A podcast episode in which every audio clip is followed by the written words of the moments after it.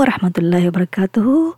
Hoi din dila gel de hafta maze ara brother Osman loi ফুজার করছিলাম bamboo ceiling হদি বাকি এবার ইয়ানার বুঝাইয়ে bamboo ceiling হদি বাকি এবার কিংগ্রি ফয়দা হইয়ে আর এবার দিলচস্পি কেল্লাই বে বানাই দিয়ে আনওয়া যায় আন ফুনাইল তো হাফতে মাঝে বুঝাবো দেখি আর আরে এস বি এস রোহিঙ্গার মাঝে কি মশলা কল আছে বাম্বু সিলিং মাঝে As I said before, it's a combination of factors. So it includes individual, uh, culture, and organizational, systemic factors.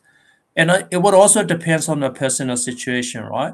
Uh, but I can describe in a general sense, and I've identified quite a number of problems, but being able to manage uh, to group them in three particular area, and this come out of my expertise uh, through my own lived experience as well as the lived experience of my clients.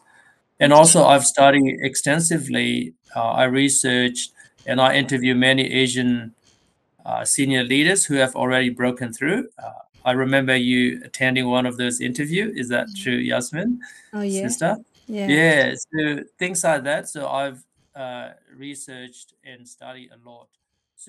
যেতেনেকি ওসমান মারে প্রচার করা গিয়ে bamboo Shillong মাঝে কি মশলা কল আছে আর ইনের ভিতরে কি আছে দিয়ান তো এই বাই জবাব দিদি কি হুদুন হুদুন মশলা কল হতুরিল্লা ওয়াজাল্লা বলি আছে হুদুন হল দেখি ইন্ডিভিজুয়াল ইবা ইয়া থারার চলাচল্লা বুলি ইয়া অর্গানাইজেশন আল্লাহ বুলি ইয়া সিস্টেম আল্লাহ বুলি তো এই আম ঠাম মাঝে ইবাইয়ে বেশা বেশি ইয়ান দিকে এবার তজরবাতু আর এবার ফন্না ফজ্জে ইয়ানুত্তু এবার রিসার্চ hodrila kalain লই ইবাইয়ে হামগুজ্জে ইয়ানুত্তু আর এবার রিসার্চ মাঝে ইন্দিল্লা সিনিয়র লিডার কল আছে দে এশিয়ান ব্যাকগ্রাউন্ড লই ইতারা লই ফুসার বাত্তারা গুজ্জে ইতারা লই ইন্টারভিউ গুজ্জে ইয়ানুত্তু ইবাইয়ে বানা হনো ডায়াগনোজ করছে তো নয় মশলা কি আছে মশলা মুন তো আনে দে নয় মশলার ফোঁয়াতি ফোঁয়াতি মুন তো আনে দে হাসা ডায়াগনোজ করছে দে হাসে বে হদ্দে ইয়ানোর সলিউশনও ইয়ানোর হাল কি কিংগুৰি টেকল কৰিব কিংগুৰি মছলা ইয়ানৰে হাল কৰিব ইয়ানোর হাল গিন ইয়ে মুনটো আনে আম তো আর মাঝে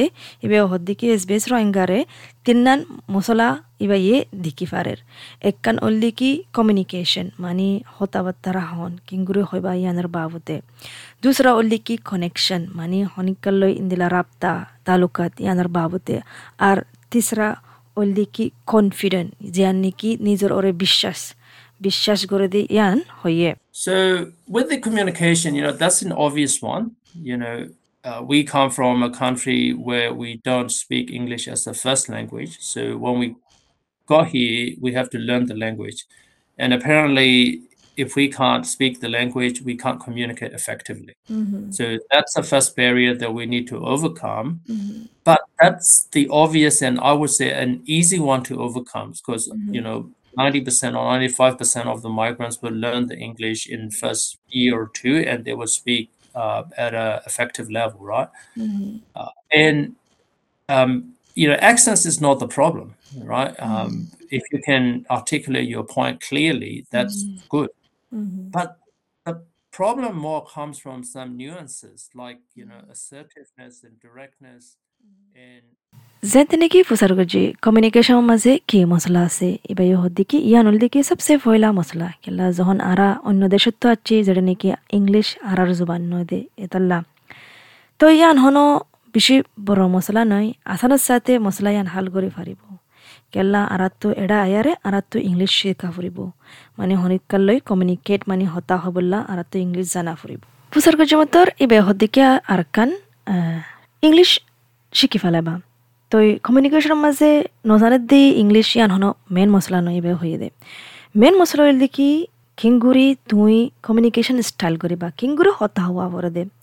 মানে ডাইরেক্ট হতা হন অ্যাসার্টিভ হন মানে নিজর ফাইসলা মাঝে মজবুত থাকন ইয়ানোর এসেটিভ হও। তো এই হন্দিলা গুড়ে হতা হয় বাদে কনফ্লিক্ট ম্যানেজমেন্ট কিংগুরি করি বাদে। হনেকান মশলা ইয়ে কি ইয়ান ম্যানেজ করিবলা কিংগুরি কমিউনিকেশন করি বাদে।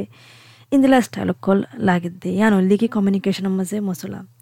এবার হদ্দি কি যখন আরা সাউথ ইস্ট এশিয়া তো আছি, আরা হলদি কুকা কম যিবা নাকি হারমোনি পছন্দ করি দে। আরা উদ্দুর ফাঁকা মানে উদ্দুর মজবুত ন থাকি, উদ্দুর ধরো নয় হনকান ফাইসলা করি বাচ্চার মাঝে। আর আরা হতা হইলে হনকান হওয়া ফরের ডাইরেক্ট নহয়। মানে visuttu ikka ukka guri behasura guri ukkatikka guri hota hoi takke tu dilma dukno lage fan ইয়ান কি আর আর হারমোনি স্টাইল আর আর কমিউনিকেশন স্টাইল ডাইরেক্ট নয় আনতে বেশি গম কিন্তু এন বানা আর আর চলাচল্লা গম দে আর আর সমাজল্লা গম দে কিন্তু অস্ট্রেলিয়ার স্টাইল দিকে আর দিলা হাজগরি কর্পোরেটের মাঝে আর দিলা corporate culture these are not seen as leadership style right? for them leader needs to be assertive direct in embracing conflict healthy conflict so you can see the differences in the culture which can become very corporate leadership style মাঝে ইয়ান পছন্দ নগরে corporate corporate leadership style মাঝে তারা পছন্দ করে দেখি direct direct communication জিয়ান হবর উজুগুরি বস direct হৈ পেলাইবা আর তোমারতো কি হদে কমপ্লিট পজিটিভ কমপ্লিট মেনেজমেন্ট বা কিংগুৰি কৰিব হনে কাৰণ মছলা এনেকৈ উজু উজু ডাইৰেক্ট গুৰি পজিটিভ গুৰি কিংগুৰি মছলা এন হাল কৰিব ইয়ানো জানা ফুৰিব তো ইয়ান হল কি জৰুৰী ইয়ান হল্লা বুলি কমিউনিকেশ্যন তরিকা ইয়ান নাই দিয়া আল্লাহ বুলি আর আর সমাজের ভিতরে যদি নাকি লিডার আছে তারা উদ্দুর থরকিনোর অস্ট্রেলিয়ান কর্পোরেট সিস্টেম মাঝে হদ্দিক হদ্দিকি ব্রাদার ওসমানে a problem like uh,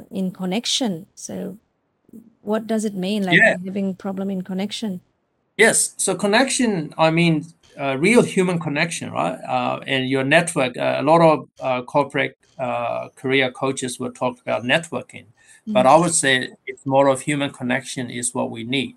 And this is something that a lot of migrants uh, overlook because when we come to this new country and culture, our focus is to settle in, right? And to fit in. So what we normally do is we just work hard. You know, we go mm-hmm. to school, we go to mm-hmm. uni, TAFE, and get uh, you know degree, uh, diploma, get a job, and work hard. And we mm-hmm. think somehow that just by working hard, we'll get promoted and promoted. It's only true until you reach a certain level. In fact, you can say. Osman Maya SBS Rengari Yano Buzar. Connection, money, talukat. Yanarmanze mosalaki. কি হতে সার দিকে connection তালুকাত রাখনের দিকে। ইনসানর হাকিকি real উগ্র ইনসানলে আর উগ্র ইনসানলৈ রাবতা থাকে দে তালুকাত থাকে দিয়ান।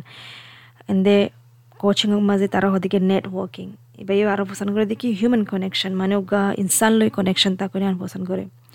তো আরা migrant community তো বলি বে হদ্দে আরা মামলায়ানরে উদ্দুর বর্ণদি মামলায়ান উদ্দুর জরুরি নয়, ইন্দিলা বুঝি। তো আরা কি করি হলে? আরা এরা আয়ারে দুঃখ করি, বেশি দুঃখ করি। স্কুলত যাই স্কুল মানে সুন্দর করে ভন্না ফুরি তো বাদে ইউনিভার্সিটি টেফ যাই ডিগ্রি হাসিল করি ডিপ্লোমা হাসিল করি তো বাদে হামক কান ধরি, তা হামত যাই, দাব গুৰি হাম গুৰি হাম গরাত গরাত আসি। ইয়ান বিশ্বাস আছে দেখি গুৰি আরা দাব গুৰি হাম গলে আরা তো প্রমোশন হইব। আরা ইয়াত ধরো ওরে তাপ কাজ যাই ফেজুম ওই ইয়ানুস ওই মগর হত আছে, উঠি উঠি উঠি হুদ্দুর ফান উড়ি পারিবা বস ইয়ান মাঝে হত লাগাই আছে। You can say until you hit the bamboo ceiling. Mm-hmm. Because you can work hard and climb mm-hmm. through the ladder as an mm-hmm. individual contributor. But when you want to get into the leadership roles you just working hard alone is not going to cut right? That's when you need connections because you know you can probably like you probably heard about this right? 80% of the jobs aren't advertised. It's come through network right তুমি leadership role মাঝে উড়ি না পারিবা। আর ইয়ান রহ দিকে heating bamboo ceiling ইয়ান মানুষ দিকে যুদ্ধর ফসাবার উদ্দুর fun টোগে ইয়াবাদা আর না পারিবা। তো ইয়ান হদ্দি কি ভাই লিডারশিপ রোল মাঝে আর মা না পাইবা। লিডারশিপ রোল মাঝে ফোন বেশি দুঃখ কেলা বলে লিডারশিপ রোল ইয়ান মানে কানেকশন লই ইনসান লই তালুকাত তাকিলে হতা তাকিলে ওড়া বড় তাকিলে ইয়ান তো বলে ফাইবা দে। আর লিডারশিপ রোল আমার হামিন বলে এইটি পার্সেন্ট তারা নদাহা নদে হাজগুড়ি সিনিয়র লেভেল মাঝে। এবার হদ্দিকে আরা মাইগ্রেন্ট কমিটি আরা তো সোশ্যাল ক্যাপিটালি বানাই আরা তো সোশ্যাল ক্যাপিটালি বা বেশি জরুরি। অনত লিডারশিপ রোল মাঝে তবকাই বা মাঝে উড়িবল্লা আজু তাকিলে, মন তাকিলে তোমার তো কি করা ফুরিব? ফলস্বরূপ তো সোশ্যাল ক্যাপিটাল ইবা লাইব। ইবা দিকে হনজ্ঞ ইনসান লই হনকান জায়গা মাঝে বালা কানেকশন রাখুন। তাকে তোমার তো আইন্দা মনতু তারার কানেকশন ইনলৈ ইস্তেমাল কৰি পাৰিবা লিডাৰশ্বিপ ৰলৰ মাজে উৰিবল্লা one of the reasons why migrants don't take risk in corporate career is twofold really. One is internal uh, limiting belief. Uh, where this li- these limiting belief comes from is if you imagine um, you know ourselves back uh, you know the days when we come to the uh, come into this new culture and country, mm-hmm. we have this feeling of you know being like a guest, right? You know, a mm-hmm. guest at someone um, someone's house. We don't know what the norms and the culture traditions are, mm-hmm. so we're always self conscious and we always like not sure of what to do, right? Mm-hmm, mm-hmm. And our focus is just to fit in. Mm-hmm. You know, I just want to be a good guest. Yeah. You know, I just want to fit in to mm-hmm. this culture. I can very so, much relate that. yeah. yeah. yeah. So it's very much safety mindset, right? Mm-hmm. Like don't mm-hmm. don't rock the boat. You know, don't mm-hmm. try anything that's gonna make you look bad mm-hmm. because you want to fit in. Parizon Buzarguji, uh, ara migrant samaj, ara samaj ibaya indila diki mani risukkollo de samaj, indila samaj, ara hodrila risukkollo fari. মানে দরিয়া ফারাই মানে on মজাম মারি জিন্দিল্লা বো হারা রিস লই তাকে আরা তরক্কি fun কিন্তু যেতে বসার করছি এ ক্যারিয়ার মাঝে মানে হামম মাঝে কেলা আর আর মাইগ্রেন্ট কমিউনিটি বা উদ্দুর রিস লইতো নসা এন হেমুতর ইবে বুঝাই দেখি ধ্যান ওয়াজাল্লা বলি ফলস্বরূপ তুল দেখি ইন্টারনাল লিমিটেশন বিলিফ মানে বুতরে তোমার নিজের বুতরে তোমার বিশ্বাস যিবা আছে বা হোম তুই বিশ্বাস করো দেখি, তুই উদ্দুর নজানো তুই উদ্দুর নাফারি বা তুই উদ্দুর কাবিল নাই। মানে লিডারশিপ লেভেললা কেরিয়ারের মাঝে লিডারশিপের উদ্দুর যাবলা তুই নিজের ভিতরে তুই বিশ্বাস নকর হালে কি তুই ফারো মগর তুই হালে কি তোমার তো কাবিলিয়ত আছে, কিন্তু তুই নিজের প্রে উদ্দুর বিশ্বাস নগর দে ইয়ানোর দিকে কান জরিয়া দুসরা হল দিকে বলে, এবার হদ্দে সিস্টেম যেটা নাকি কানেকশন এবার কানেকশন হল। আরেকজনলৈ কনেকশ্যন থাকিলে নেটৱৰ্কিং থাকিলে, ইয়ান। তই কনেকশ্যন হ'ম দে, ইয়ানুল্লাহ বুলি মানে ফাৰ্ষ্ট জেনেৰেশ্যন দুসৰা জেনেৰেশ্যনৰ মাজা আগিয়ে গৈ, তুমি বুজত দিকে হাই ফিচারও গি গই আইনা ফাজ্য মা তুই তার কনেকশ্যন নাই। ইন্দিল্লা বুঝিয়ারে তুই ফিচার গই রিস লইতে নস। আর কান ইন্দিলা বাফিতে বাফিতে হদ্দুর আজাগ হলে আ, আইদে আলা বেশি গম গরির আইদে আর কেরিয়ার মজা ফার্স্ট ক্লাসের মজা আছি। তু হামাই পারির লই ফারির জিয়ান গড়া ফ্রেন, গড়ি ফারির, সুখ সাক্কেলা করতাম আর। মন তু জেন আছে, ইন লই খুশি, রাজি উদ্দুর মজা তাকিলে তুই ইয়ান মাঝে স্টপ হয়ে যাবে গই ইয়ান তু বাদে আর তুই রিস লইতে ন চাইবা আরাম তাইতে চাইবা। তুই লিডারশিপ रोल जान तुवें बाफिराक लिडरशीप जेन दिला तो तूं बोन मनाचिल एड्यार मानचेर फुआत एप फुरा बराबर तबका मज़े मनाचिल यान जायना फारी बाकेला तुवें लिमिट उद्दर फाराक दे यान होला भोली overcome uh, these barriers and break the bamboo ceiling, right? Mm. So self development is crucial and critical in breaking the bamboo ceiling. Um, you got to start with awareness of your own strength and weaknesses, mm. and then try to leverage of your strength and then improve your weaknesses right mm. uh, and everyone can improve right everyone can improve uh, you know even the world number one like ashley barty you know uh, i was listening to her um, farewell speech you know it's a shame that she's retiring uh, mm-hmm. from tennis mm-hmm. Uh, but um, I read a few articles about her journey, and she actually had a mindset coach. Mm-hmm. Not many people knew about it, right? Mm-hmm. Um, and she attributed a lot of her success to her mindset coach. Mm-hmm. And she said her mindset coach not only helped her to become world number one tennis player, but also help her to become an overall wonderful human. তো self development মানে নিজৰে তৰক্কি কৰণ নিজৰে কিংগুৰি তৰক্কি কৰি ফাৰে নিজৰে সুদূৰ জাফরের যুদ্ধর ফারিবা উদ্দুর কিংগুরি ঠানিয়ার তুলিয়ারে লজা ফারিবা। ইয়ান হইমুত্তর ইবাই হদ দিকি দিকি মশলার হাল।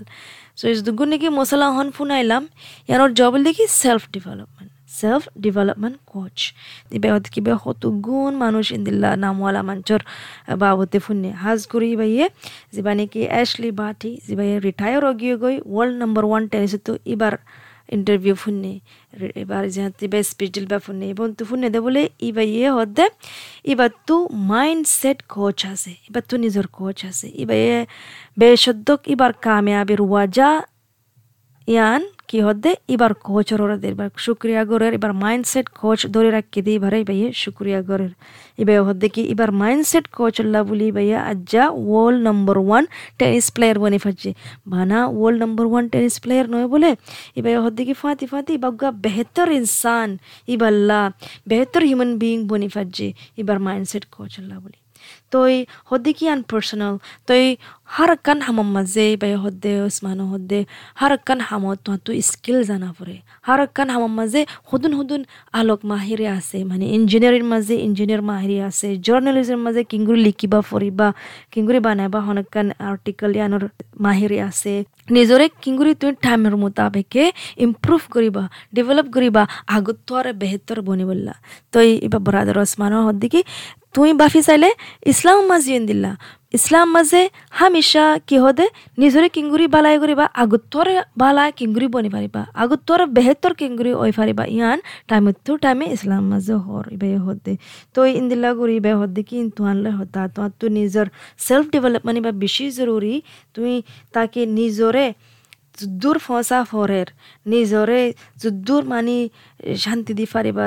তাকে তোমার এরাদা জিন আছে, মকসুদ দুগুণ পজিটিভ আছে ইন কামিয়াব অবল্লা তোর নিজর লা বালাইল্লা তোমার তো সেলফ ডেভেলপমেন্ট কোচ তাকিলে বেশি বেহতর হব, তাকে তোমারও মদত করি ফারে ফান। ধরো কোচ ধরো তো এইবারে যখন পুসার জি হড়ে ফাইবা কোচ সকল মানে দিলা হনিকাতো আজ লাগিলে আর এস বি এস রোহিঙ্গার ফোনের ভিতরে হনিকাতো দিল মাঝে দিলচস্পি ফায়দা হইলে মানে আয়ও তরক্কি করতে এন হয় আর আয় তো গিয়া কোচ লাগে, এন হয় পুসার গজি মত্তরি বে হদ্দি কি এনদে আর আর মাইগ্রেন কমিটিলা ও দুগুণ কোচ সকল নাই, ইবে হদ্দে আর ভিতরে তুই গুগল কৰি ফাৰিবা গুগল কৰি কোচ হলে তই ফাৰিবা ইয়া, এবার হদ্দি কি তুই এবার ডাইরেক্ট কন্টেক্ট কৰি ফারিবা ব্রাদার ওসমান মারে এবার ডিটেল কন্টেক্ট কল বিগিলিন আই এর ওয়েবসাইটের মাঝে দি রাখম তোমরা কন্টেক্ট কৰি ফারিবা। আর আর এস বি এস রোহিঙ্গা তো ব্রাদার ওসমান মারে বেশি শুক্রিয়া গোরাজার, এবার কিমতি টামুল্লা, এবার কিমতি বুদ্দিল্লা আর আর সমাজের মাঝে তরক্কি আনিবুল্লাহ আসসালামু আলাইকুম। S B S Rohingya.